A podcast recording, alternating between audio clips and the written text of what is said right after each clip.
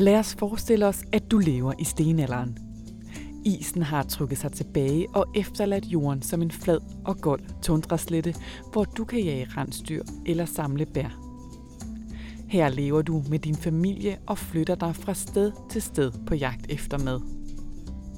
Dagen og livet er hårdt, men det er også godt og tilfredsstillende. Og sådan kunne livet fortsætte i generationer på den øde slette, tænker du måske. Men så sker der noget.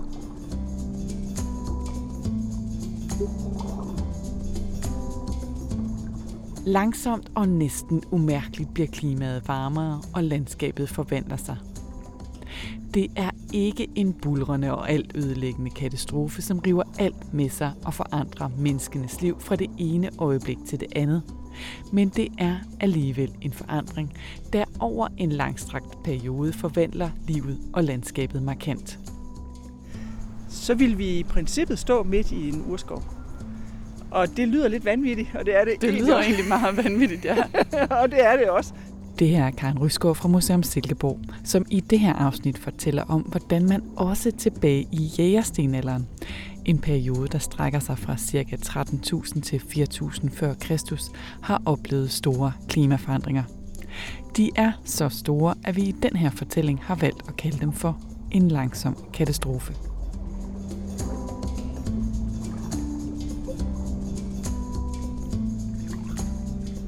Jeg hedder Lene Grønborg, og i det her afsnit tager Karen og jeg på en rejse tilbage i tiden til jægerstenalderen, hvor Danmark oplevede store klimaforandringer, og hvor landskabet forandrede sig mellem den ene og anden yderlighed. Fra det kolde tundralandskab med rensdyr til frodig urskov, hvor pelikanerne flyver mellem trækronerne over hovedet på os. Hvis man har kigget ud i vandet, så var der sumskildpadder, og der øh, fløj øh, hen over deres hoveder, ville der flyve krøltoppet pelikan. Og det er virkelig nogle dyr og, og planter, som, som har krævet noget varme, for at de overhovedet kunne overleve. Så det har været fugtigt og varmt. Karen har i dag planlagt at tage mig med på en gåtur til tre forskellige steder i Silkeborg tæt på Gudnåen, hvor vi kan følge den langsomme, men dramatiske klimaforandring i jægerstenalderen. Og vi starter den tur uden for Museum Silkeborg.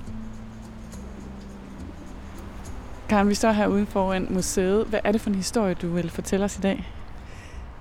Det er historien, som løber helt tilbage fra, da isen den smeltede fra, øh, og, og vi får åbent land, og så faktisk helt op til, øh, til vi bliver bønder øh, i, øh, i bundestenalderen.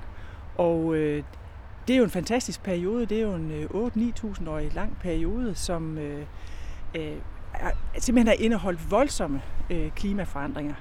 Øh, spørgsmålet er, hvor, hvor stor en, øh, en påvirkning det har haft her inde i landet. Men det, altså ude, ude ved kysterne og sådan noget, har det haft voldsomme konsekvenser. Øh, men der har vi her inden for en kilometers afstand af, af museet, har vi faktisk flere af de her nedslagspunkter i den her fortælling. Og, øh, og jeg synes, vi skal gå længst tilbage til i tid, altså omkring 13.000 år siden. Og hvor er vores første stop på ruten?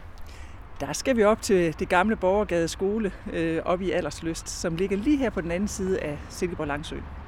Skal vi gå? Det gør vi.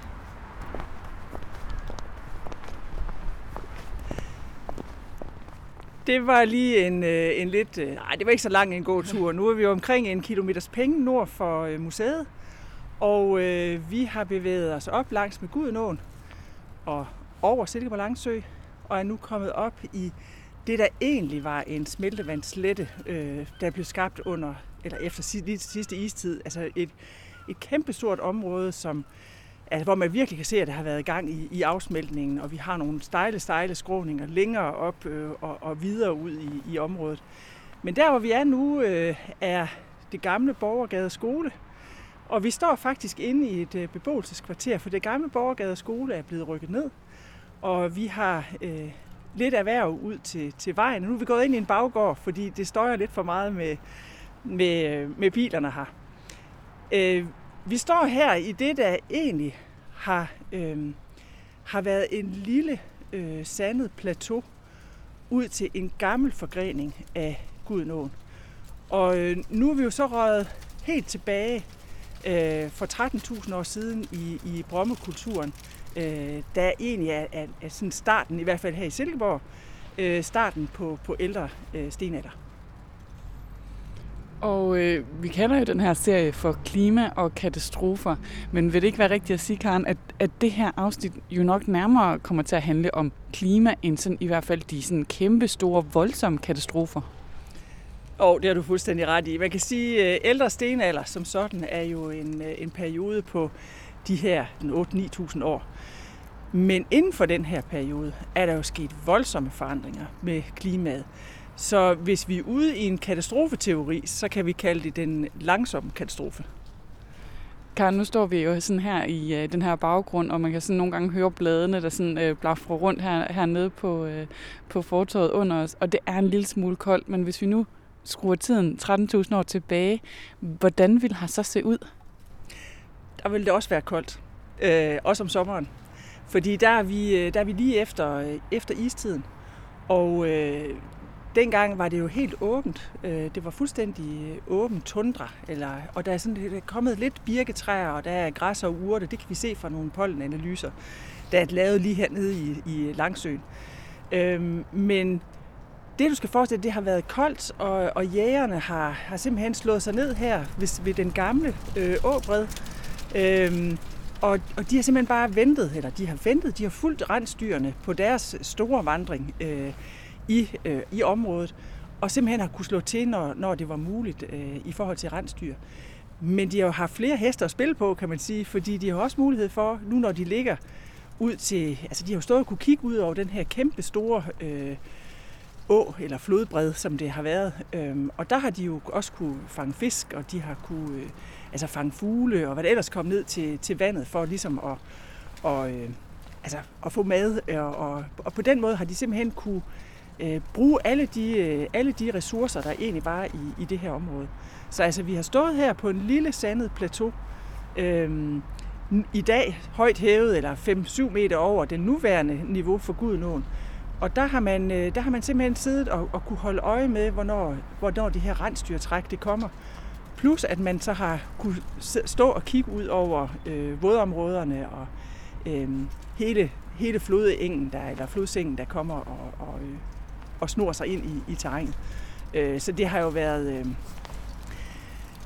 altså det har jo været slaraffenland øh, i og for sig for, øh, for de her jæger øh, med den mulighed, der har givet sig lige her. Og vi ved, at de har været her, og det gør vi, fordi øh, vi har fundet nogle redskaber, de har efterladt. Det er blandt andet en lille skafttunge spids. Eller, den er faktisk ret stor, så jeg vil nærmest kalde den spydlignende. Øh, og så øh, nogle, øh, nogle lidt grove flækker, altså sådan nogle spån, aflange spån, der er slået af en, øh, en flintblok. Øh, og det er simpelthen fundet her, og det er, øh, det er egentlig en, øh, en dame, der har fundet det i sin have, og hun var lærer på det gamle Borgergade skole. Øh, og frøken Slot, som hun blev kaldt af eleverne, hun, øh, hun havde altså øjnene med sig, og har simpelthen fundet øh, vores, i vores område den ældste boplads fra, fra ældre stenalder. Men vi skal have skruet lidt mere op for varmen, og i vores fortælling her, vi skal nemlig øh, hen til vores næste stop. Hvor går vi hen nu, Karen? Nu går vi tilbage til Langsøen. Uh, vi går ned til et uh, nybyggeri, der er blevet rejst et kæmpestort tårn nede ved den gamle papirfabrik.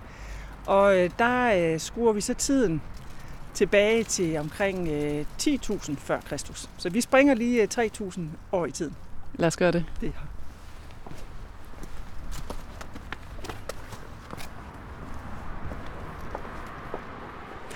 Karen, nu har vi så gået et lille stykke, og vi er kommet herned til papirtårnet, ned til en sø her i Silkeborg. Men vi skulle også have den historiske fortælling om, at klimaet i stenalderen det ændrer sig. Hvor er vi nu i den fortælling? Vi er i hvert fald en lidt varmere periode, lad os sige det. Så det er meget kort. Det er godt nok kun nogle få grader øh, temperaturstigning, der er sket, altså fra øh, de der 13.000 år siden, og så her nu til, til 1.000 år, eller 10.000 år før. Kristus, øh, eller 10.000 år siden, undskyld.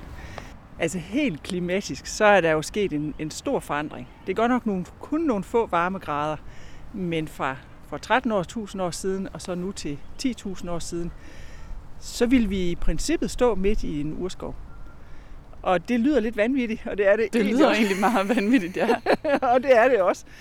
Men vi vil, øh, det går fra at være, altså over de 3.000 år går det fra at være tundra med nogle ganske få birketræer og græsser og urter osv., til at, at blive øh, først lysåben skov, og så i den her periode så øh, mere tæt kompakt skov med fyretræer og birketræer, og ikke mindst hassel.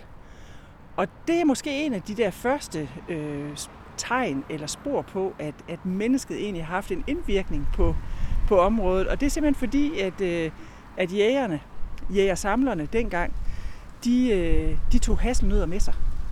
Og de har så fået lov at spire i nogle lysninger, så hvor de havde det rigtig godt.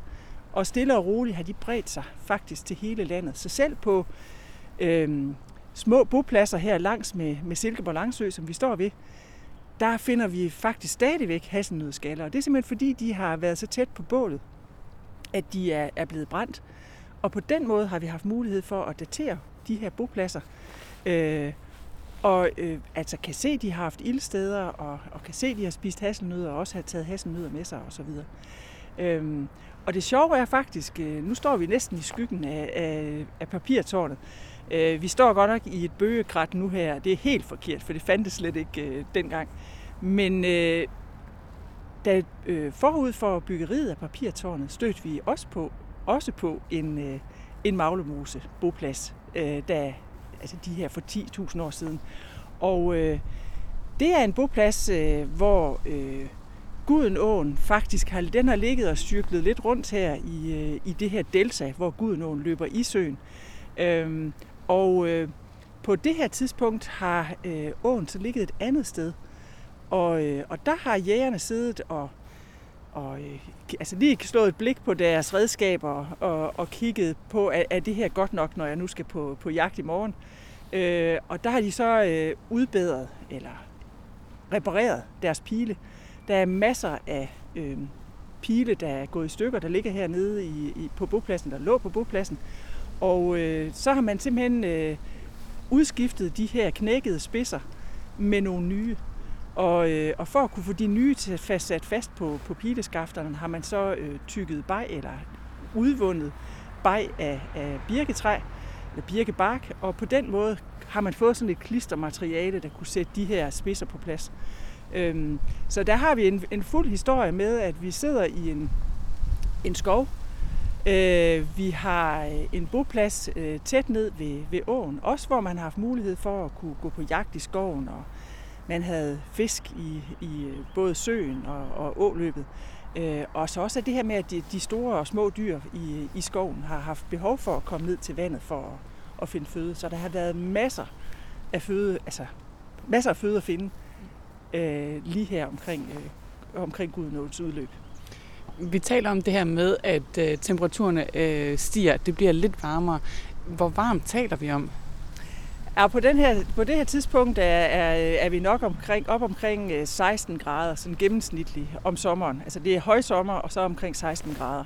Øhm, og, og det er, det er en, i, måske en 3-4 grader varmere end, end, der, øh, end, end den plads, vi var oppe på lige før, øh, der er 13.000 år gammel. Øh, så øh, så det er nogle få øh, øh, varmegrader, det stiger, men det har alligevel en, en kæmpe stor øh, indflydelse.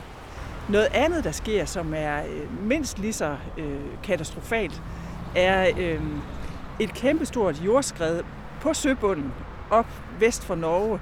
Øh, der er simpelthen øh, Storega-skredet, øh, som øh, øh får kæmpe stor betydning for, øh, for havstigning, øh, eller en, den laver jo nærmest en, en, en tsunami øh, på baggrund af, af det her. Det er 95.000 kvadratkilometer, der pludselig skrider øh, op i Nordatlanten. Og det har øh, store følger, altså det, det kunne øh, lave kæmpe høje bølger, altså 20 meter høje bølger ind og slå ind på Grønlands kyst, også herned i øh, altså England, Norge, øh, og vi har nogle, nogle få, der er ikke sådan helt så, så øh, godt kendt her i, i Danmark, men, men omvendt øh, øh, Dokkerland eller Dokkerbanke, ligger ude i Nordsøen, der var vi jo i, i Maglemosetiden, vi lige har snakket om, øh, der var vi jo øh, altså der var vi landfaste. Den sydlige del af Vesterhavet var vi landfaste med, med England. Og Dokkerland har også ligget som, øh, som en tør banke ude i, øh, ude i det her. Men på det tidspunkt, når der så øh, kommer den her kæmpe store flodbølge, så det bliver fuldstændig over, oversvømmet. Øh, og, øh, og altså, da det sker 25 meters øh, havstigning på, øh, altså på, på ganske, altså over en ganske, ganske kort, altså med alt det her lagt til sammen, sker der jo den her 25 meters havstigning over en, en ganske kort periode, øh, sådan set i det helt store perspektiv. Ikke? Når du nævner de her sådan, øh, temperaturstigninger, der sådan kommer lige så stille og, og får en betydning for den måde, altså at landskabet ser ud på, hvad er det så, der gør, at vi egentlig oplever de temperaturstigninger? Altså hvorfor kommer de? Nu er det sådan, når man kigger, og der skal vi ud på den en meget, meget, meget stor klinge igen. Øh, når vi kigger fuldstændig overordnet, så har det faktisk øh, jordens historie altid svinget mellem øh, istider og mellemistider. Og så har der været istider og mellemistider sådan på skift. Og vi er faktisk midt i en mellemistid nu her. Øh, så, øh, så i den varme periode, vi står i nu, øh, den, den, er, den er naturlig. Øh, det er egentlig naturen selv, der har, der har skabt den. Hvordan ved vi overhovedet, at der har været de her klimaforandringer i stenalderen? Det er der lavet mange forskellige analyser af, og øh, noget af det, man også altså, binder det op på, det er øh, pollensøjler. Altså man er simpelthen gået ud i moser og søer, og man har taget sedimenter, altså de aflejringer, der er nede i moser og søer, og taget øh, skåret øh, søjler eller taget stykker ud af dem. Og så har man simpelthen siddet og kigget på, hvad er det for nogle pollen, hvad er det for nogle arter, der findes i, øh, i det her område på, det her, på et givet tidspunkt. Det kan være øh, nogle kugletålende planter. Det er jo noget af det første, man finder, altså, hvor man kan sige dværgbirk, øh, polarpil, øh, øh, rybelyng og, og så videre. Det er nogle af de første planter, der kommer ind, og de, øh, de er sådan nøjsomme og øh, øh, altså kan tåle ned til, til meget strenge temperaturer. Så efterhånden kommer der så nogle mere varmekrævende planter. Øh, det er jo flere forskellige af de større træsorter. Øh, fyre og birk og øh, hassel kommer ind, og, og senere hen kommer der jo så også øh, alle mulige andre træsorter i, og øh, elm og øh, så videre. Og så kommer der øh, og hvidbent for eksempel, som også er, er nogle, altså de, de kræver noget varme for overhovedet at kunne, kunne vokse. Så på den måde kan man faktisk følge de her temperaturændringer, og det er gået sådan lidt op og ned. Der har været en tendens øh, til, at det er blevet varmere. Men indimellem har der så været nogle dyk. Og sådan er det jo også øh, fremad i tiden, når vi kommer længere op. Øh, men altså der er vi jo ude øh, og, og kigge langt op i, i tid, altså efter Kristi fødsel og helt op i middelalderen. Og faktisk næsten op til nyere tid, hvor vi havde det, vi kalder en lille istid, fordi der dykkede temperaturen. Øh, og det havde jo så en, en masse andre konsekvenser. Der kom sygdomme, og folk kunne ikke brødføde sig, og øh, og når vi er, er langt op i 1800-tallet, så er det også udvandring til Amerika og sådan noget. Altså der er virkelig kæmpe store øh, følger af, når, når temperaturerne svinger. Øh, man kan jo så sige, at nu er vi jo så ligesom selv årsagen til, at, at tingene de, øh, de foregår. Øh, og, og, og der, skal vi, øh, altså der skal vi virkelig være påpasselige. Når vi taler klima i dag, så er en af de ting, vi jo er rigtig bange eller nervøs for, det er det her med, øh, at temperaturen stiger, at vi får det at vi får et varmere klima. Hvad er det, der gør, at man i stenalderen egentlig kunne have de her temperaturændringer, uden at det på, no, på den måde altså, øh, førte til, at øh, der var de her var kæmpe katastrofer, når, når vi i dag er så bange for det? Der er jo ikke helt så mange folk i, øh, i ældre stenalder, som der er i dag, for eksempel. Øh, og når der er kommet, altså, når det bliver trængt ved kysterne, vi får mindre plads og, og så videre, så, øh, så har folk, men, så har folk klumpet sammen. De har tilpasset sig. Man har tilpasset sig den nye virkelighed. Vi kan sagtens tilpasse os, hvis, hvis tingene går langsomt. Og det er jo det, vi kan lære af stenalderne, eller ældre stenalder i hvert fald. Det er jo, at øh, historien fortæller os, at vi er rigtig gode til at, øh, at tilpasse os og, at finde nye muligheder. Øh, ligegyldigt, hvordan klimaet egentlig arter sig. Problemet er jo, kan man jo så sige, i forhold til nutiden, er jo, øh, de menneskeskabte klimaforandringer, øh, fordi det går meget hurtigere, end det egentlig gjorde i fortiden. Og, øh, og der kan man godt gå hen og blive bekymret for, øh, hvor hurtigt de her forandringer sker, og om vi overhovedet når at, at tilpasse os i, i den, de korte tidsspænd, der så er at, at gøre godt med. Karen, lad os øh, bevæge os det sidste stykke af ruten. Øh, vi står lige nu her ved papirtårnet, men lad os gå lidt ned mod byen langs Remstrup Å. Nu er vi jo så kommet øh, ind til Remstrup Å, Og øh, den har jo faktisk en lidt sjov historie. Det er jo egentlig øh, Gudenåen, der løber ud i Silkeborg Langsø. Men det, der er vandspejl i dag, øh, det lå ikke der øh, i oldtiden. Øh, så så øh, vandet eller åen i dag, Remstrup Å, er en gravet kanal. Den er simpelthen gravet med håndkraft i, tilbage i 1920'erne. Og det var i forbindelse med, at man, øh, man i papirfabrikken havde behov for at, at udvide.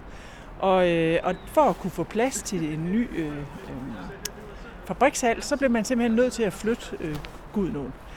Og øh, det sjove er, at i forbindelse med den her udgravning, som skete ved håndkraft, øh, der øh, de arbejdsmænd, der gik og knoklede hernede, de øh, havde heldigvis øjnene med sig. For, øh, for ned under en meter tørv, så kom de til nogle sandlag.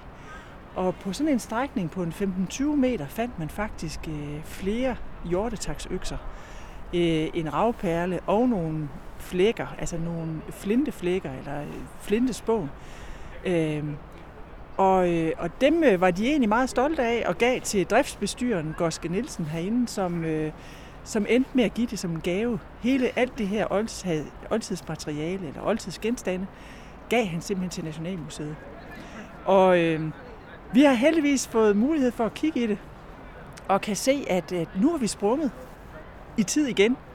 Øh, så bare de få meter, vi har gået her langs Remstrup eller Gudenåen, så har vi nu sprunget op til tiden øh, omkring 7.000 før, eller for 7.000 år siden. Og øh, vi er nu i det, der hedder ærtebøllekulturen. Øhm, og det kan vi simpelthen se ud fra udformningen af de her øh, hjortetaksøkser. Øh, der er en, øh, nogen, hvor du har, øh, altså øh, hjortetakken har, har siddet jo på øh, fast med, med noget, man kalder nærmest en rosenkrans. Det er sådan lidt, lidt en, en øh, en uregelmæssig krans, hvor den har siddet fast på, på jordens hoved, og, øh, og dem, kan man, øh, dem har man simpelthen øh, brugt de her ender øh, til at, at lave økser med. Så man har simpelthen skåret dem til ud i enden, og man har øh, med sin, sin flinteflækker, og så har man øh, buret, eller lavet et hul i dem, som, øh, til hvor skaftet skulle sidde. Og så har man haft et, et øh, udmærket våben, både som slagvåben og måske også til at, at fælde træer. Øhm, og træer, det var der. Øh, fordi på det her tidspunkt er temperaturen steget meget mere. Øh, vi er faktisk inde i det, man kalder klimaksurskov. Så hvis nu vi har stået her for øh, 7.000 år siden, så har, har der her været, øh, det har nok været et egekrat, vil jeg tro. Øh, fordi eg kan godt stå sådan i lidt sumpede områder, og det er det jo her ned til, øh, ned i den her lavningsområde. Men øh, op på skråningerne har der været øh, nogle af de træer, der var i den tidligere periode, birk og fyre og hassel og så videre, men der er også kommet nye sorter. Der er kommet øh, altså egetræer, som jeg lige har nævnt, der er elm og lindetræer ikke mindst. Og hele, hele perioden her øh, kaldes også ældre lindetid, så, øh, så det er meget betegnende. Øh, det sjove ved de planter, der er kommet nu, er så, at de er varme, altså de, de kræver varme. Og, øh, og, og hvis vi har siddet her og, øh, og set det her område, så, øh, så, og havde oplevet et af de store træer øh, vælte, jamen så vil sådan noget som kaprifolie og vedbænd og så videre, så vil det tage over, så vil det kravle ind i, i alle de her lysninger og få, få så meget sol som overhovedet muligt, fordi den her urskov faktisk har været øh, lukket, altså den har været mørk nede i bunden. Øhm, og varmeperioden har så også gjort, øh, ikke at vi har fundet det her, vi har jo kun fundet de her få øh, hjortetaksøkser af organisk materiale her i området, Øh, men andre steder fra Danmark ved vi, at øh, der på den her tidspunkt, hvis man har kigget ud i vandet, så var der sumskildpadder. Øh, hen over deres hoveder ville der flyve krøltoppet pelikan. Det er virkelig nogle dyr og, og planter, som, som har krævet noget varme for, at de overhovedet kunne overleve. Og det, altså det er jo med til at sætte rammen omkring det her. Der har sket de her kæmpe, kæmpe store afsmeltninger og havstigninger og så videre i perioden lige umiddelbart herop til. Og den, store øh, altså varmestigning gør jo selvfølgelig, at der er fordampet en masse vand for de her store øh, havområder, og er kommet ind og faldet som nedbør herinde, så det har været fugtigt og varmt. Altså på baggrund af de her tre steder, vi så har været ude at se på øh, øh, nu her, så kan man sige, at det spænder altså virkelig vidt øh, rent klimamæssigt. Vi har fra den ene yderlighed med tundra og rensdyr, Øh, og i den anden yderlighed har vi øh, klimaks urskov med sumpskildpadder og krøltoppet pelikan. Altså, hvor vildt kan det blive? Øh, og så øh, kan vi jo så sige, efter den her periode, så begynder der jo så med agerbruget. Så kommer der, har man, får man indvirkninger eller påvirkninger andre steder fra, og der kommer øh, agerbrug, og man begynder at dyrke korn. Øh, men det er jo en helt anden historie.